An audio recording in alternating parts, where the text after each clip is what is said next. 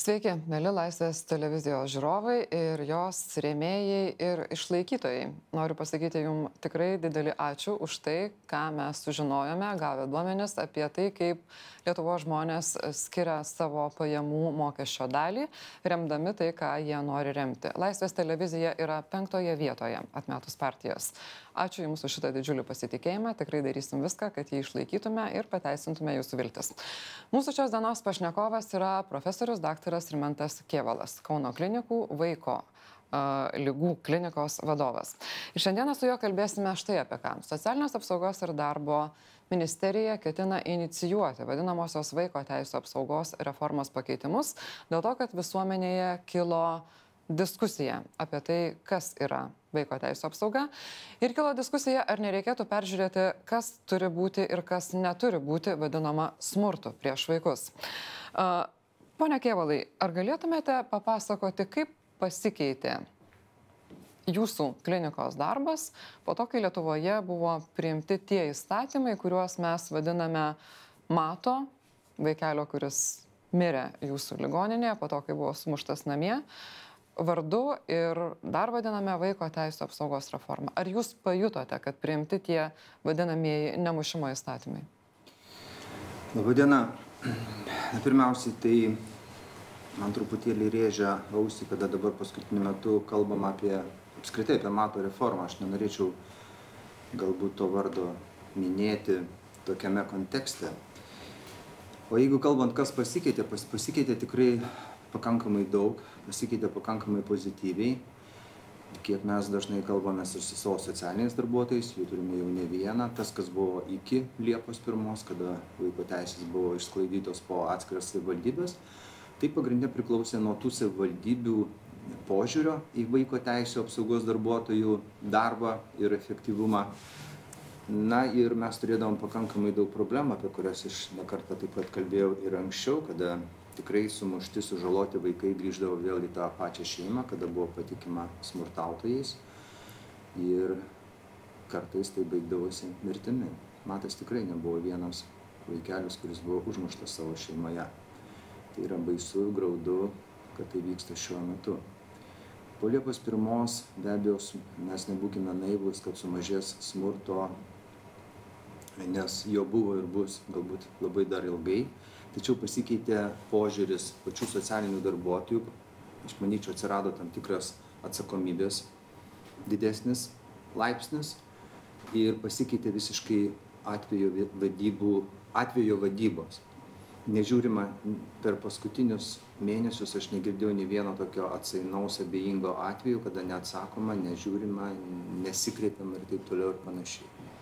Na, statistika sako, kad tai yra socialinės apsaugos ir darbo ministerijos duomenys, kad nuo Liepos vaiko teisų apsaugos specialistai išanalizavo beveik 10 tūkstančių pranešimų apie galimus pažeidimus ir uh, 4200 su trupučiu nepasitvirtino, tačiau beveik 4,5 tūkstančio vaikų tas pranešimas apie galimą grėsmės lygį, pirmą grėsmės lygį pasitvirtino.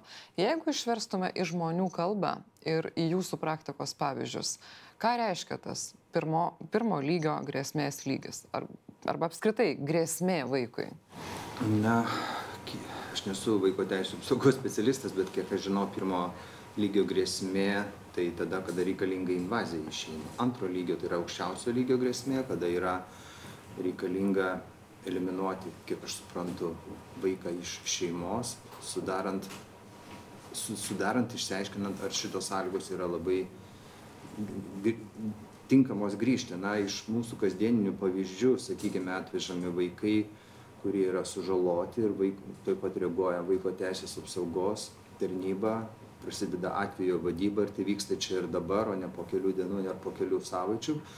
Ir tiesiog randa neblaivius tėvus, pašalinius asmenys, kada ne vieno iš vis blaivaus žmogaus toje šeimoje vaikai ir, ir, ir trūksta ir maisto, ir nevalgantis ir taip toliau.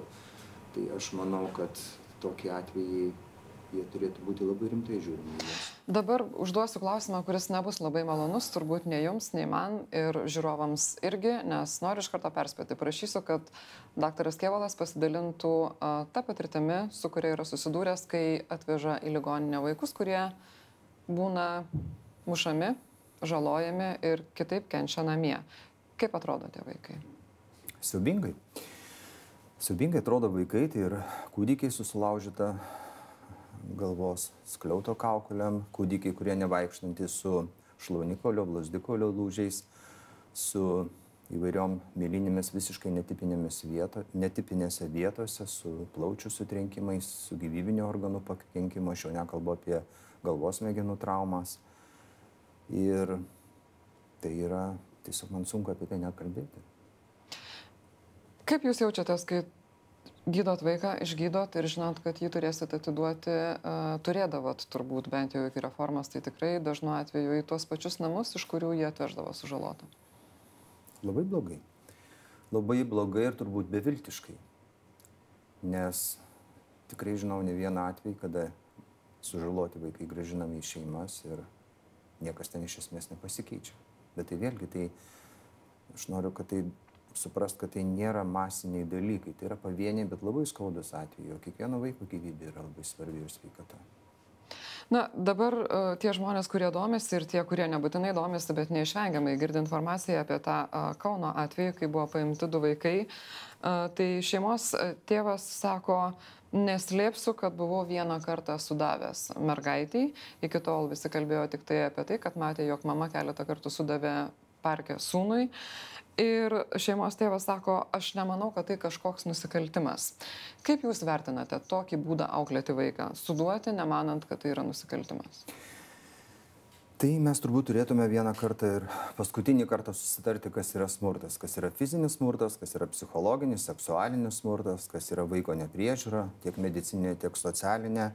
Na, smurtas jis yra smurtas. Ir jeigu mes pradėsime daryti tam tikras išlygas, ar pliaukštelėjau, ar sudaviau, ar trinktelėjau, tai turbūt tai kelias į niekur. Aš be abejo suprantu, aš ir pats auginu dar mačiamečią dukrą. Ir, ir kartais tikrai tas mūsų emocinis intelektas jis nėra labai stiprus. Ir kartais ir pervargimo įtakoje kyla visokiausių minčių, tačiau vėlgi pats svarbiausias ir sunkiausias dalykas tai yra pačiam pasikeisti pačiam pasikeisti ir suprasti, kad tai yra kelias į niekur, kad taip negalima daugiau daryti, kad tai reikia, kai nežinai, ką daryti, tai geriau nieko nedaryti, išeiti į lauką, išeiti į kitą kambarį, sustoti, pagalvoti, ką tas vaikas pajus ir ką tu pagaliau pajusi, kaip tu didesnis, stipresnis, nu, pavadinkim tai kepštelsi. Kam nuo to geriau? Man geriau būtų, tam vaikui geriau. Aš nemanau, kad tai kelias, kuris yra pozityvus ir į kažkur tai veda. Prieš tai jūs kalbėjote apie tuos uh, sužalotus vaikus, apie smurto atvejų šeimose, kai būna neblaivūs saugusieji. Na ir vėlgi šiom dienom nebe vienos Seimo narės, komiteto pirmininkės Rimantės Šalaševičiūtės pagalbos yra skleidžiama versija, kad jeigu aš išgersiu taurę vyno, turėdama mažą vaiką, tai tada atvažiuos ir tą vaiką iš manęs atims. Na, iš tiesų tai nėra tiesa, nes yra tam tikrų išlygų, bet tiesa yra ta, kad jeigu kompanijoje gerinčioje nebus blaivų žmonių ir bus mažamečių vaikų aplinkui, tai tie vaikai gali būti paimti ir išvežti, nes tokia aplinka yra nesaugi. Kodėl yra nesaugi ta aplinka mažam vaikui, kai aplinkui yra tik tai neblaivų žmonės? Na, o kaip jinai gali būti saugi, jeigu neblaivų žmonės, vėlgi tas neblaivumas, koks jisai neblaivumas, ar, ar, ar, ar iki sąmonės netikimo, ar iki visokių nesąmonių darimo, ar yra toks, nu, aš vėlgi nežinau, ar tai galima įvesti tokį terminą saikingas alkoholio vartojimas, na jis turbūt priimtinas, bet čia turbūt problema apskritai yra, aš va taip dabar tiesiog šovė tokia mintis, Panašiai kaip su sveiku maitinimu mokyklose, darželiuose, iki mokyklinėse įstaigose. Idėja iš esmės gera. Iš esmės niekas nekvesionuoja, kad tai gera idėja, tačiau jos išpildymas ir jos pasiekimas tų tikslų yra visiškai niekam tik ir rezultatas yra labai blogas. Labai blogas, aš ir pats turiu vėlgi asmenę patirtį. Tai ir čia tas pats, mes negalime kažkaip, negalime kažkaip, nu, eiti į kraštutinumus. Jeigu vyno taurė išgers, atims vaiką. Nu turbūt taip negali būti. Iš vis vaiko atimimas tai yra tragedija. Tragedija vaikui, tragedija šeimai. Kokia mama bebūtų, koks tėtis bebūtų, bet yra pats brangiausias žmogus pasaulyje tam vaikui. Nesvarbu, kad jisai mušamas, kad jisai skriaudžiamas, aš pats mačiau tą savo akimis, jie apsikabinę verkia tų tėvų savo, tų skriaudikų, tų mušikų, bet tai, bet tai yra patys brangiausi žmonės. Ir tai turėtų būti taikoma, na, aš nežinau, kaip kraštutinių kraštutiniausia priemonė, kaip pasakykime, nu, pavadinčiau tai mirties bausme. Bet vėlgi intervencija, invazija į tą šeimą, pagalba šeimai, pozityvios pozityvios tėvystės tie kursai, kur mums atrodo daugelį kažkas tai tokio naujo, bet taip tikrai, mes daugelis to nežinom. Daugelis to nežinom, tame tarpe ir aš daugelį dalykų sužinojau visiškai naujai, visiškai kitom akim. Mes atėjome iš smurto kultūros. Kaip galima pakeisti tą smurto kultūrą? Kiek reikia laiko? Nes atrodė, kad, na, štai mes jau susitarėm, priemėm įstatymą, sutarėm, kad kepštelėti vieną kitą penkioliktą kartą yra smurtas ir dabar mes vėl aiškinamės arba bandom sakyti, kad nebesiaiškinkim iš naujo, kas yra smurtas. Kaip jūsų manimų galima tą pakeisti? Nes smurtas mus lydino pirmykštės bendruomeninės santvarkos per visas evoliucijos, etap, evoliucijos etapus ir aš nemanau, kad jisai greitai išnyks, tačiau turi keistis požiūris. Smurtas yra smurtas, taškas. Jokių išlygų neturėtų būti. Negali būti menkas smurtas, vidutinis smurtas, didelis smurtas, kepštelėjimas, sumušimas, meilinė, pastumimas. Smurtas yra smurtas. Ir aš daugiau neturėčiau ką ir bet pridėti. Kaip Jūs vertinate tuos a, protestuotojus prieš dabartinės a, reformą vaiko teisų apsaugos, kurią turbūt yra kur taisyti, niekas dėl to nesiginčia, bet būtent tuos, kurie sako, fizinės bausmės sustiprina žodinį argumentą, nes kai vaikas žino, kad jam grėsia fizinė bausmė, tai jis tada tiesiog geriau girdi. Na, aš tokių klausos gerinimo metodų kažkaip neteko girdėti, bent jau mokslinio įrodymų nėra. Aš, na, protestai yra demokratijos išraiška, žmonės gali protestuoti, gali reikšti, lai, reikšti laisvą mintį ir žodį, tačiau nemanau, kad gražinimas fizinių bausmių būtų tinkama edukacinė priemonė. Ne vien tik fizinių bausmių apskritai. Mes visiškai nekalbam apie psichologinį smurtą. Mes visiškai nekalbam apie nemažėjančias savižudybės jaunuolių, paauglių, vaikų tarpe. Tai viena irgi iš smurto pasiekų. Kodėl mes esame tokiai dobėjai ir niekaip iš jos neišlipam. O kuo jūs aiškinat, nes dabar jūs primenėt tokį neseną amerikiečių atliktą tyrimą apie Lietuvos žmonių požiūrį į kitokius, negu tu pats esi. Na ir pagal tą tyrimą, tai tik ten maždaug mažiau negu kas dešimtas sutiktų kaiminystėje gyventi su musulmonu. Na, jau netoli pusės sutiktų, kad kaimynas būtų žydas, čia matyti yra nepaprastai didelis pasiekimas. Kuo jūs aiškinat tokį visuomenės uždarumą? Na, turbūt tai paseka ir to 50 okupacijos metų. Mes nebuvome ugdomi vakarietišką demokratiją, laisvų žodžių, toleranciją. Ir, ir dar nesuvokiam, kad pagrindinis, jau mes 15 metai esame Europos Sąjungoje, bet pagrindinis vertybės tai yra žmogaus orumas, tolerancija, laisvė, demokratija. Mes šito kažkaip nesuvokiam. Ir jeigu mes pamatom kitokį, negu jis yra, mums turbūt neturėtų kilti didelės neigiamos emocijos. Juk mes žmogų turim vertinti pagal jo elgesį, pagal jo,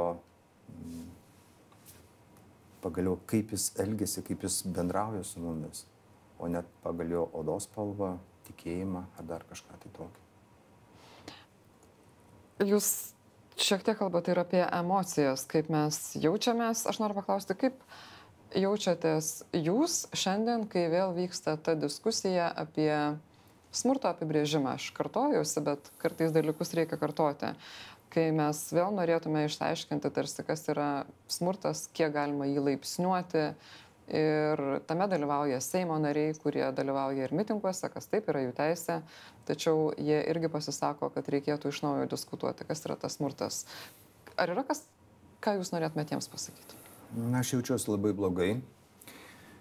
Turbūt reikėtų sutikti, kad vaiko, naujo vaiko teisų apsaugos įstatymė labai daug taisytinų vietų ir jisai taisytinų vietų ir galbūt aš taip jaučiu, kad nebuvo pakankamai ir gerai pasiruošta, tačiau reikia iš klaidų mokytis ir, ir, ir daryti tam tikras išvadas, tačiau du kartus įlipti į tą pačią upę nereikėtų galvoti. Jūs turit galvoje, kad reikėtų taisyti, na, tuos atvejo vadybos kažkokius Atveju dalykus? vadybos, bendravimo, žmonių paruošimo, juk reikalinga darbas, tai yra labai subtilus darbas, labai empatijos reikalaujantis darbas. Ir, ir, ir man atrodo, kad yra padaryta tam tikrų, nu, yra tam tikrų trūkumų, kurie turi objektyvės ir priežastis. Na, vienas iš trūkumų yra tas objektivus faktas, kad nebuvo skirta tiek lėšų, kiek reikalinga tai reformai įgyventinti. Tai ir e, jūsų aptariamam darbuotojų parengimui, išmokymui, kaip jie turėtų reaguoti, jie turėtų, kaip jie turėtų jaustis ir kaip tvarkyti su savo jausmais, kai mato kažką netinkamo.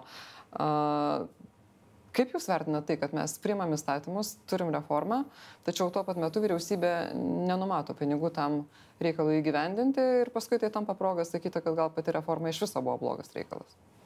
Tai be abejo, kiekvienas, kiekviena akcija, kiekvienas renginys, o jau labiau tokia didžiulė reforma nereikalauja finansinių investicijų.